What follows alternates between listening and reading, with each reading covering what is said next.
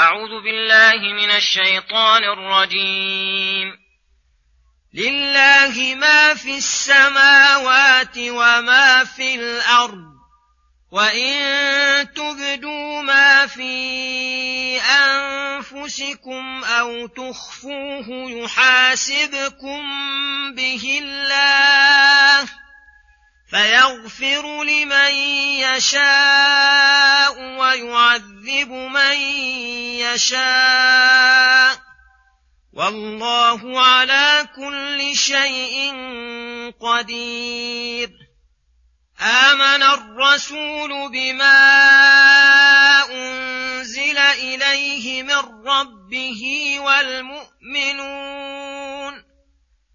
كل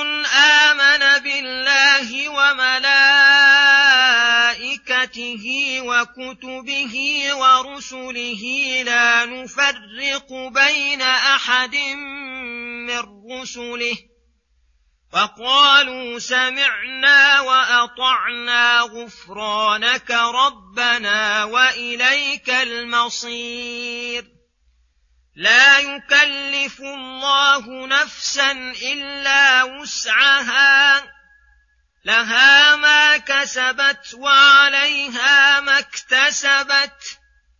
ربنا لا تؤاخذنا إن نسينا أو أخطأنا.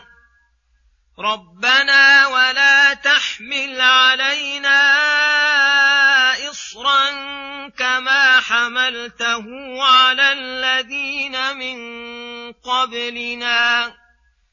ربنا ولا تحملنا ما لا طاقة لنا به. واعف عنا واغفر لنا وارحمنا. أنت مولانا فانصرنا على القوم الكافرين. بسم الله الرحمن الرحيم. السلام عليكم ورحمة الله وبركاته. يقول الله سبحانه لله ما في السماوات وما في الأرض وإن تبدوا ما في أنفسكم أو تخفوا يحاسبكم به الله فيغفر لمن يشاء ويعذب من يشاء والله على كل شيء قدير. يخبر تعالى بعموم ملكه لأهل السماء والأرض وإحاطة علمه بما أبداه العباد وما أخفوه, وما أخفوه في أنفسهم. وأنه سيحاسبهم به فيغفر لمن يشاء وهو المنيب إلى ربه الأواب إليه إنه كان للأوابين غفورا. ويعذب من يشاء وهو المصر على المعاصي في باطنه وظاهره. وهذه الآية لا تنافي الأحاديث الواردة في العفو عما حدث به العبد نفسه ما لم يعمل أو يتكلم. فتلك الخطرات هي التي تتحدث بها النفوس التي لا تصف بها العبد ولا يصمم عليها. وأما هنا فهي العزائم المصممة والأوصاف الثابتة في النفوس أوصاف الخير وأوصاف الشر. ولهذا قال ما في أنفسكم أي استقر فيها وثبت من عزائم والأوصاف. وأخبر أنه على كل شيء قدير فمن تمام قدرته محاسبة الخلائق وإيصال ما يستحقونه من الثواب والعقاب. ثبت عنه صلى الله عليه وسلم أن من قرأ هاتين الآيتين في ليلته كفتاه أي من جميع الشرور وذلك لما احتوتا عليه من المعاني الجليلة فإن الله أمر في أول هذه السورة الناس بالإيمان بجميع أصوله في قوله قولوا آمنا بالله وما أنزل إلينا الآية. أخبر في هذه الآية أن الرسول صلى الله عليه وسلم ومن معه من المؤمنين آمنوا بهذه الأصول العظيمة وبجميع الرسل وجميع الكتب ولم يصنعوا صنيع من آمن ببعض وكفر ببعض كحالة المنحرفين من أهل الأديان منحرفة. وفي قرن المؤمن بالرسول صلى الله عليه وسلم والإخبار عنهم جميعا بخبر واحد شرف عظيم للمؤمنين. وفيه أنه صلى الله عليه وسلم مشارك للأمة في الخطاب الشرعي له وقيامه التام به وأنه فاق المؤمنين بل فاق جميع المرسلين في القيام بالإيمان وحقوقه. وقوله وقالوا سمعنا وأطعنا. هذا التزام من المؤمنين عام لجميع ما جاء به النبي صلى الله عليه وسلم من الكتاب والسنة وأنهم سمعوه سماع قبول وإذعان وانقياد. ومضمون ذلك تضرعهم إلى الله بطلب الإعانة على القيام به وأن الله يغفر لهم ما قصروا فيه من الواجبات. وما ارتكبوه من المحرمات. وكذلك تضرعوا إلى الله في هذه الأدعية النافعة. والله تعالى قد أجاب دعاءهم على لسان نبيه صلى الله عليه وسلم فقال قد فعلت.